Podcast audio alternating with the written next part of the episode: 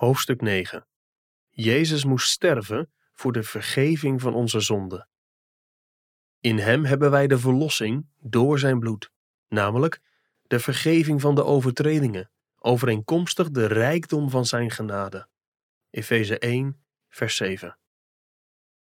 Want dit is mijn bloed, het bloed van het nieuwe verbond, dat voor velen vergoten wordt tot vergeving van zonde. Matthäus 26, vers 28. Wanneer wij een schuld kwijtschelden of een belediging of verwonding vergeven, hoeft de ander daar niet voor te betalen. Dat zou het tegenovergestelde van vergeving zijn. Als we schadeloos worden gesteld voor wat we zijn kwijtgeraakt, is er geen vergeving meer nodig. We hebben gekregen wat ons toekomt.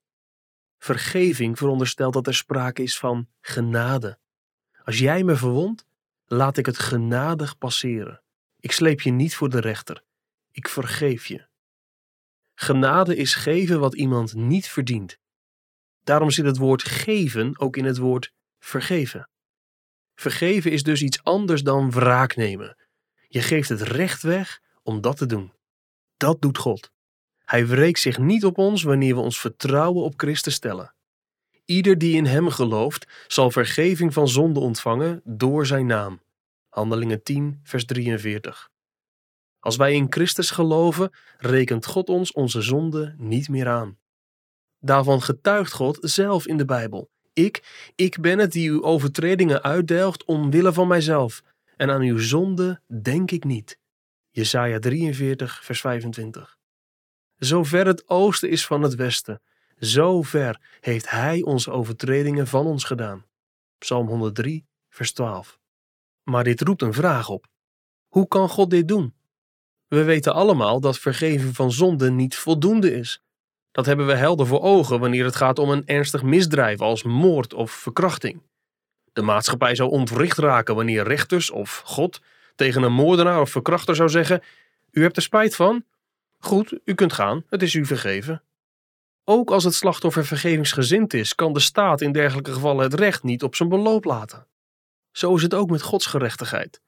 Zondigen is altijd een ernstig vergrijp, omdat we zondigen tegen God.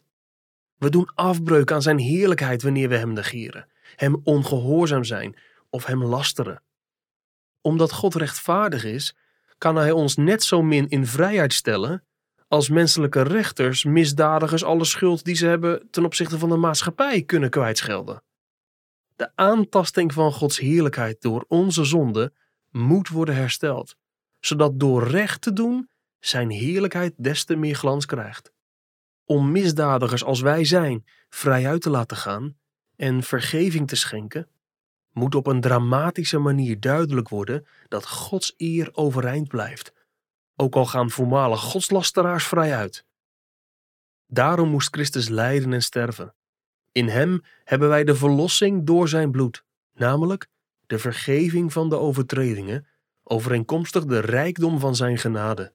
Efeze 1, vers 7. Vergeving van zonde kost ons niets. Al onze kostbare gehoorzaamheid is de vrucht van de vergeving en niet de oorzaak. Daarom noemen we vergeving genade maar het kostte Jezus zijn leven. Daarom noemen we de vergeving rechtvaardig. Oh, wat een heerlijk nieuws is het dat God ons onze zonde niet aanrekent. Hoe schittert Christus, die er met zijn bloed voor heeft gezorgd, dat God rechtvaardig is als hij dit doet.